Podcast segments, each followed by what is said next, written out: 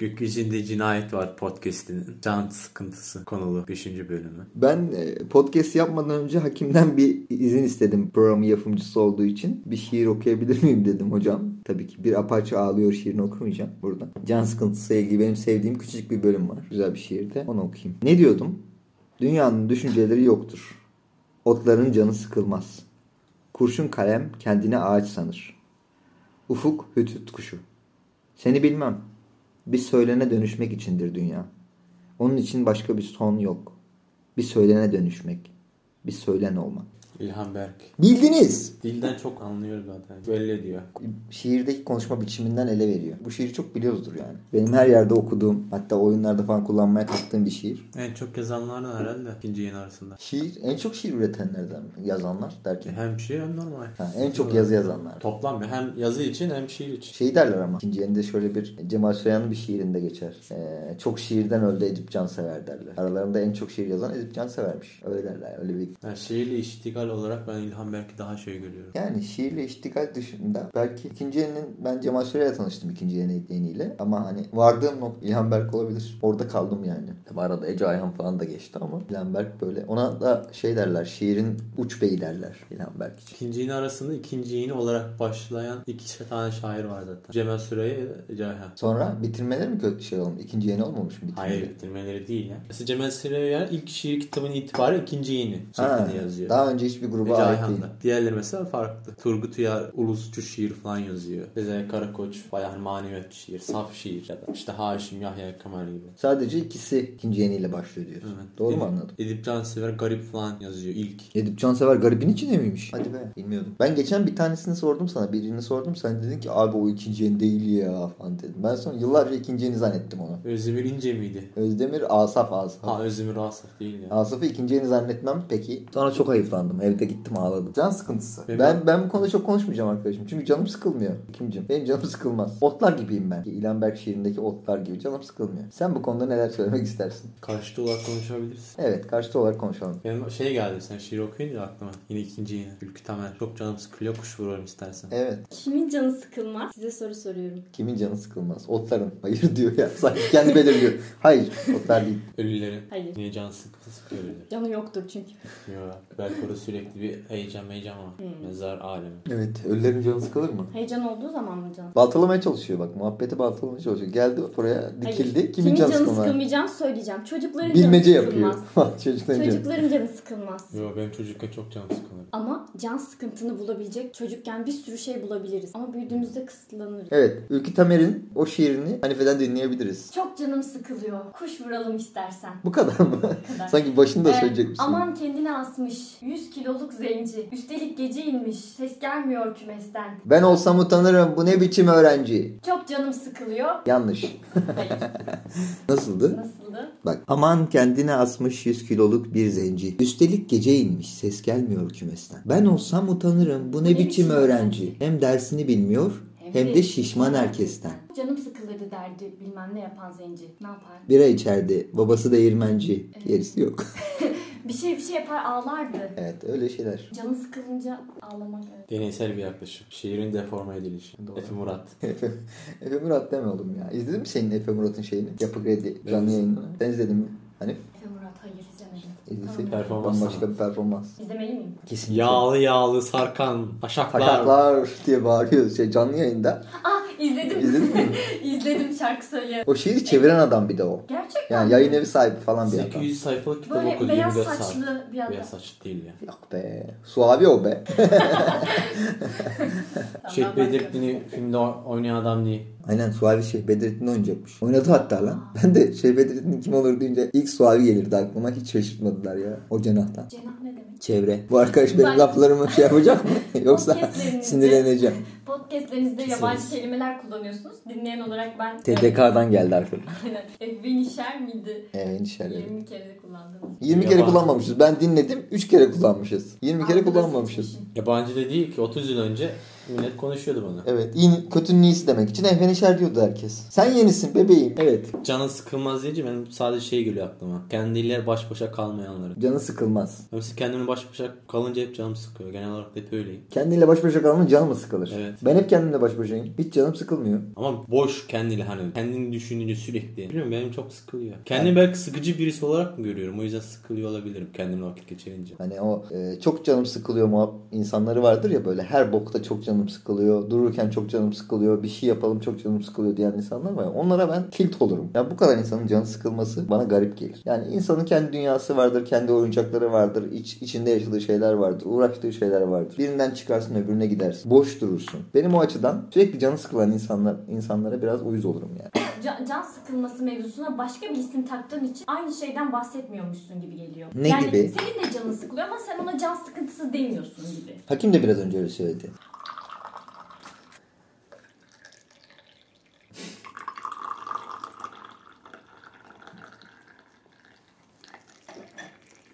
Evet gelelim konumuza gelelim. Yani bir şeyler uğraşmak şey katıyor bana. Yaşama hissi. O yüzden mesela bir şeyler yapmayınca canım sıkılıyor. Hiçbir şey yapmadığım zaman borcunu yaşıyormuş gibi hissediyorum. Hani varım ama hiçbir hareketim yok. Yani varım ama bir sehpa gibi. Öyle hissediyorum. Ama bir şey yaptığım zaman o beni yaşatan bir şey.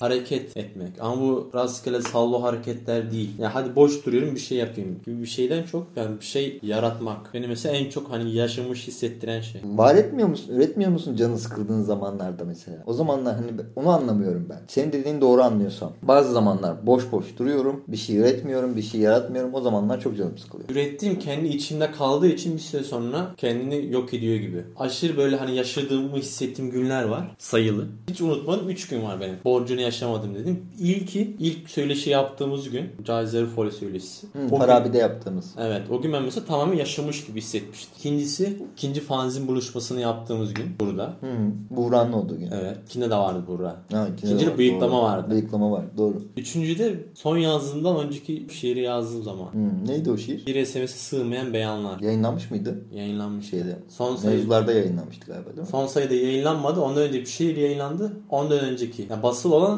son Basılı olan son sayıda. şiir. Bunlar mesela beni yaşıyor hissettirmiş. Şimdi mesela bir tane daha yazmaya çalışıyorum. O da o bakımdan biraz şey yapıyor. Tatmin ediyor. Yaşıyor hissettiriyor. Dediğim gibi başta da söyledim. Yani can sıkıntısı mevzusu insanlar anlatırken böyle dinleme, dinlediğim bir mevzu. Yani böyle Allah Allah diye dinlediğim bir mevzu. Sen anlatırken de böyle dinliyorum. Eğer şeyse yani bir şey yapmaksa kasıt can sıkıntısının karşılığı. Yani bilmiyorum. Bende de, bana özel bir şey değildir bu. İnsan zihni sürekli üreten, hülyalara dalan, hayal eden bir kafa. Ben çocukluğumdan beri öyle. Yani çocukluğumda çok canım sıkılırdı diyorsun ya. Benim çocukluğumdan beri kafamda oyunlar döner. Bu yaşımda da öyle. Bir şeyle uğraşırken bile hani çok ciddi bir şeyle uğraşırken bile kafamda oyunlar döner ve bu oyunlar beni hep şeyden alıkoyar. Ya şu an çok boşum, boşluktayım duygusundan alıkoyar. Melankoliyi kastediyorsun can sıkıntısı olarak. Öyle bir kastın varsa melankoli tabii ki herkes gibi bende de var. Yani salt şey üretememek de değil tam. Yani ürettiğim şeyin bana karşı özellik ilan ettiğinde sıkıntı hissetmiyorum. Mesela kendi kafamda dönüp ürettiğim bir şey bu sıkıyor ama bir şey ürettiğim zaman benden karşı bir bağımsızlığını, yarı bağımsızlığı ilan ettiğinde yani benden çıkıp başka yerleri gezmeye başladığında bu beni yaşayan olarak tanımlıyor. Hmm. Mamul etmekten yani dışarı çıkarmaktan başkalarına görünüp olmayı kastediyorsun değil mi bu özellikler? Yani dışarı çıkması, senin kafanın içinde olmaması. Onu bir şekilde anlayabiliyorum. Ama bu, bu da bana şey geliyor. Bu Lafarge'ın daha başka bölümlerde de konuştuk galiba bunu ya da üstünden geçti. Lafarge'ın Tembellik Hakkı diye bir kitabı var. Bahsetmiştim. O kitapta bu duygunun yani can sıkıntısı duygusunun, melankoli duygusunun ya da boşlukta süzülüyorum duygusunun çok eski bir duygu olmadığını, çok yeni bir duygu olduğunu ve bunun üretim ilişkilerinden, çalışma ekonomisinden hatta Fordist üretimden kaynaklandığını söylediği yerler var. Biz üretmekten, çalışmaktan ya da işte boş durmamaktan anladığımız şey biraz içine doğduğumuz sistemin bize öğrettiği bir şey gibi söylüyor Lafarge. O yüzden hani kafamda üretmekten o yüzden bahsediyorum. His, his olarak da. insan sürekli his olarak da üreterek devam eder. Hani bu açığa çıkar mı?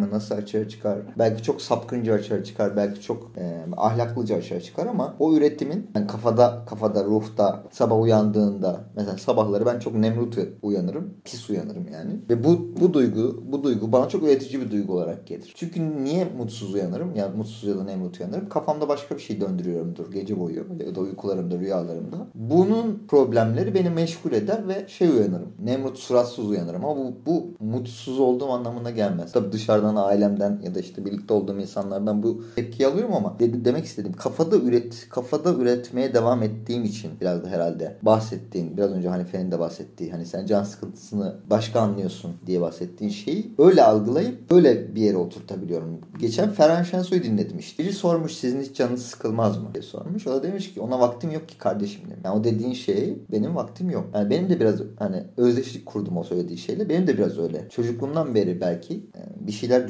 düşündüğümü hissettiğim, akıllı olduğumu hissettiğim andan beri kafamda sürekli bir şeyler olduğu için ona zamanım olmuyor genelde. Bir şey ürettiğim zaman kendimi önemli hissetmiyor muyum? Hissediyorum. Egom şişmiyor mu? Şişiyor. E, Bir şiirim yayınlandığında aa bu çok güzelmiş deyip döndüklerinde. Bunlar şişiyor ama yine şeye geleceğim. Ionesco'nun konuşmak aptalca susmak daha aptalca dediği yere geleceğim. Ionesco'ya da o, o bölümde karşıdaki adam şeyi soruyor. Bu kadar oyun yazdınız. Bu kadar eserleriniz var. Saysak 3 tane e, tiyatro metni yazarı saysak üçünden birisinizdir dünyada. Bunlar sizin için bir şey ifade etmiyor mu diyor ya. Ionesco da şey diyor. Bir şey ifade ediyor. Evet. Bunlar sayesinde geçindim. Bunlar sayesinde ünlü oldum. Ama dönüp baktığımda belki Lafarge'ın dediği, de, dediği yere de gidiyordur bu söylediği şey. O yüzden hep kafamı kurcalıyor. Dönüp baktığımda dışarı attığım özellik dedin ya biraz önce. Özel, benden özel olan şeylerin benim ben olmadığını fark ettim diyor. Yani üretme kafasıyla girdiğim her şeyin, dışarı atma kafasıyla girdiğim her şeyin yapay olduğunu fark ettim diyor. Yani bu bana çok anlamsız geliyor diyor. Hani konuşmak anlamsız, susmak daha anlamsız kısmı burada devreye giriyor. Bir şey üretmek, bir şey dışarı atmak, bir şey başarmak bana her zaman çok tali bir şey gibi gelir. Yaşam sevinci vermez ya da işte o bana devam etme gücü vermez. Kafamdakiler daha çok bana devam etme gücü verir. Abi bir renk katmaz mı? Katar işte Yani normalde çok aşırı hızlı ya da yoğun bir hayatım olmadığı için ve bu tip şeyler bana hayatıma bir renk kattığı için. Yani şiir yazmak benim hayatıma bir şey katıyor. Renk ya da heyecan. Yani işte kişisel deneyimle alakalı bir şey bu biraz. Ben ama işte daha önceki podcastlerde de belki konuştuk bunu. Hep de aynı yere dönüp duruyoruz. E, Bu da çok normal hayatta böyle olması, tekrarların olması. Ama bence işte hayatıma anlam katıyor, hayatımı değiştiriyor, hayatımı renklendiriyor. Hayatıma başka bir perspektif veriyor gibi laflar. Yani böyle böyle düşünmek, kendi adıma da ben böyle düşünüyorum zaten. Böyle şeyler söylüyorum, senin söylediğin şeyleri söylüyorum. Ama dönüp baktığımda bana züppece geliyor. Aynen işte bir cahiliye döneminde insanların tanrılarını kendileri yapıp ona tapmaları gibi geliyor bana. El yapması putlar gibi geliyor. Bu yazdığımız şiirlerin bize haz vermesi, yaptığımız işlerin bizi mutlu etmesi, ürünün, dışarı çıkan ürünün bize yaşama sevinci vermesi, renk vermesi. Küçümseyerek söylemiyorum bunları. Bana sanki elimizle yaptığımız putlara yaşam amacı yüklüyormuşuz gibi geliyor. Bu bana pek anlamlı gelmiyor. Yani çok böyle yaşama sevinci vermekten daha fazla şey. Yani bana özel anlam katan ya da beni var eden bir şey olarak ben tanımlamıyorum zaten. Şiir ya da bu konuyu daha önce doldurmuş olan şeyleri. Mesela çok sevdiğim bir oyunu oynarken de ben aynı şeyi hissedebiliyorum. Ya da hayatımda mesela çok sevdiğim birisi varsa, bir arkadaşım ya da işte kardeş gibi gördüğüm bir şey varsa da aynı şeyi hissediyorum. Belki şuradan e, farklılaşıyor olabiliriz. Seni de tanıyorum, sen de beni tanıyorsun. Şurada farklılaşıyor, olabiliriz. Senin anlam dediğin şey, anlama yüklediğin, anlam kelimesine yüklediğin anlamla benimki aynı değil. Ben onu an- anlıyorum. Bana sorarsan mesela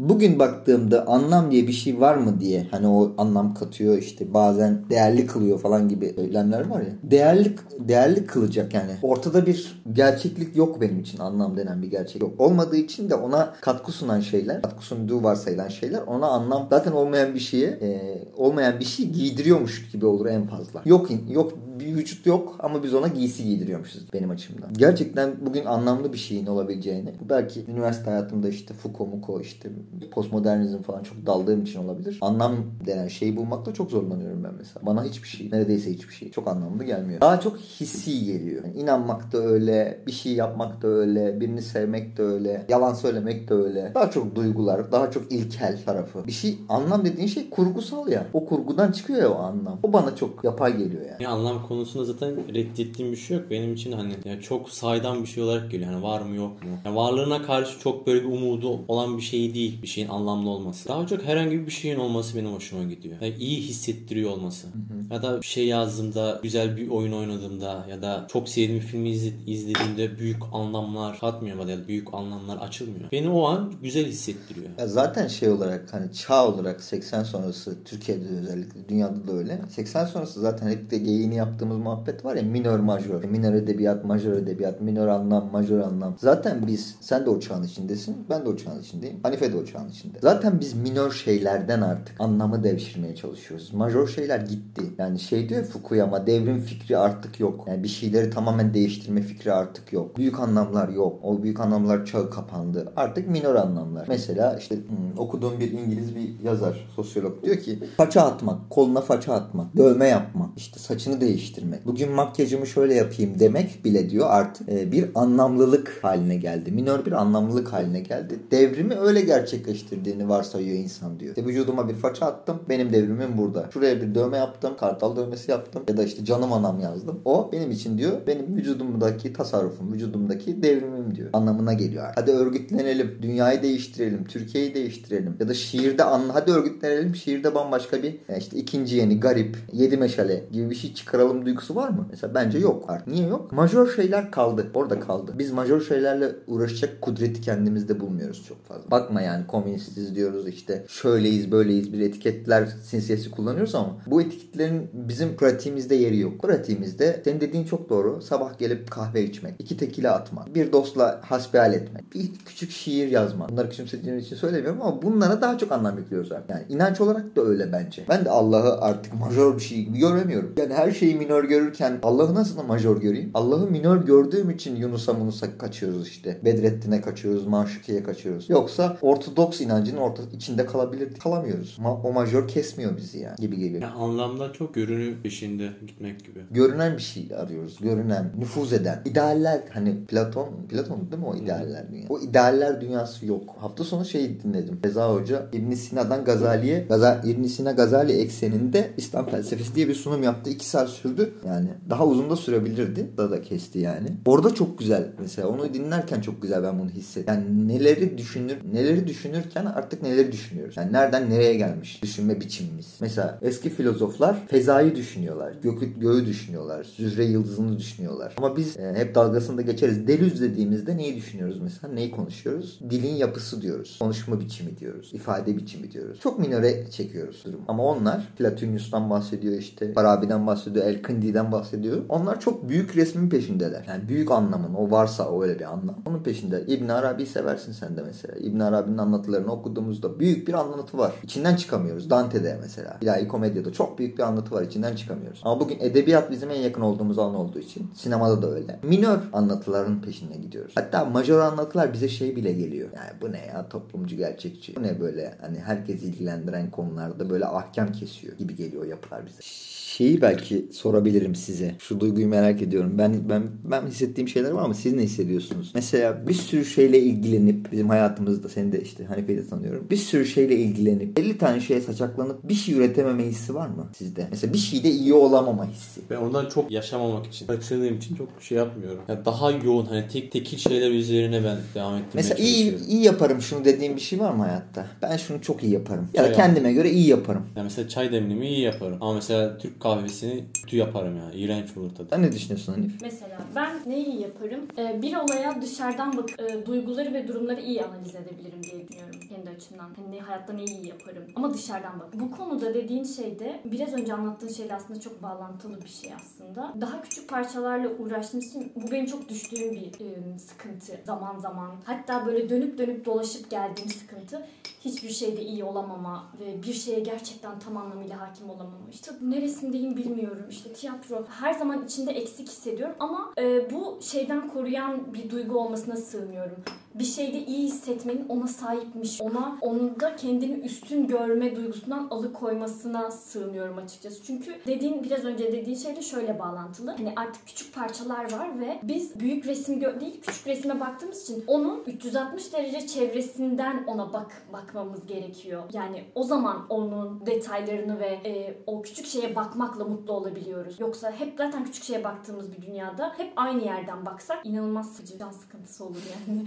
o biraz bizi eğlendiren bir şey oluyor bence. Evet. Benim için öyle oluyor. Aslında halimizi anlatıyorsun. Bu dediğin yani senin halin olabilir ama çoğumuzun da bu, bu çağda yaşayan çoğu insan için de belki eskiler mesela işte babamlar, annemler ya da dedemler, nenenler böyle bakmıyorlar. O çok belli. Kuşak çatışması dediğin şey biraz da buradan çıkıyor. Ama biz e, mesela şu çok basit. E, sigorta ne olacak? Maaş ne kadar olacak duygusu vardır mesela eskilerde. Çünkü onlar hayatın geri kalanını da düşünüyorlar. Diyorlar ki la tamam şimdi çok mutlusun tiyatro yaparken ya da yazı yazarken, şiir yazarken çok kuduruyorsun mutluluktan. Belli oluyor yani eve geliş gidişinde ama ne olacak yani? Mayış ne olacak? Sigorta ne olacak? Mesela haksız değiller. Kendi majör pencerelerinden baktıklarında. Ama can sıkıcı mı? Deli gibi can sıkıcı. Çünkü sen o kafada değilsin. Sen o dediğin resmin etrafını dönmekle, onu tavaf etmekle uğraşmak istiyorsun. O sana acayip haz veriyor. Böyle sarhoş ediyor hala. Bir tane böyle bakış için bazen videolar çekiyorsun mesela. O videoyla zamanını geçirmek, onun kurgusuyla uğraşmak. Belki 3 dakika 5 dakika bir şey. Ama onun etrafında dönmek sana büyük haz veriyor. Ya da işte bir oyun çalışıyoruz. Dario Fo çalışıyoruz. Onun provasında olmak bana büyük haz veriyor. Ama provadan çıktığım zamanı soruyor bana babam. Yok yani Mayış ne olacak? Mayış demez babam da biraz egzajere ediyorum. Oğlum hani hayatını geçindirebilecek misin? Sigorta durumları ne olacak? Evliliği düşünmüyor musun? Mesela bu sorular hepimizin dünyasında olan sorular. Ama oradan bakınca, majör dünyadan bakınca haksız da değiller. Haklılar zaten bizi zaman zaman e,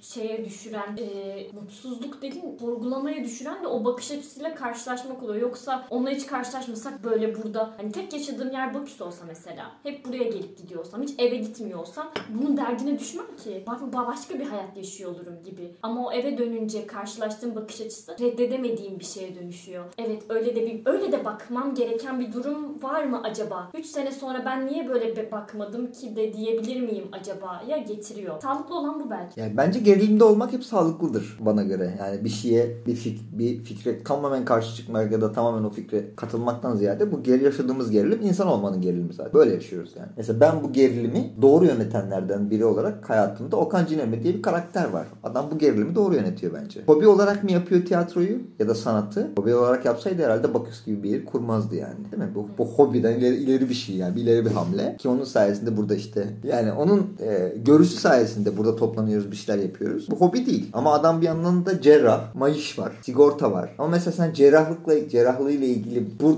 mesela çok muhabbetini duydun mu yaptığı işle ilgili? Duymuyorsun. Sanki oyun yönetmek için var olmuş bir adam ya da Baküs'te işte etkinlik yapmak için var olmuş bir adam gibi yapıyor. Şeyi çok merak ediyorum. Acaba Okan abiye de bunu bir ara soralım. O nasıl hissediyor? O mesela biz mesela daha başın ben kendimi başında hissediyorum yolun. Bir şeylerde zaten tamlık kazanmak anlamında daha başındayım. Daha zaten oraya gelemem. Ama Okan abi hani bu kadar çok yayılım da, dalın içinde kendini her birinde yetkinlik anlamında ne hissediyor? Bu soruyu ona sormak istiyorum. Yani iyi bir cerrah olarak hissediyor mu kendini? Ya da iyi bir Evet. yönetmen olarak hissediyor mu? Evet. İyi bir oyuncu olarak hissediyor mu? Hayır bakayım iyi bir kano binicisi olarak hissediyor mu falan diye. İyi bir sporcu, iyi bir motorcu.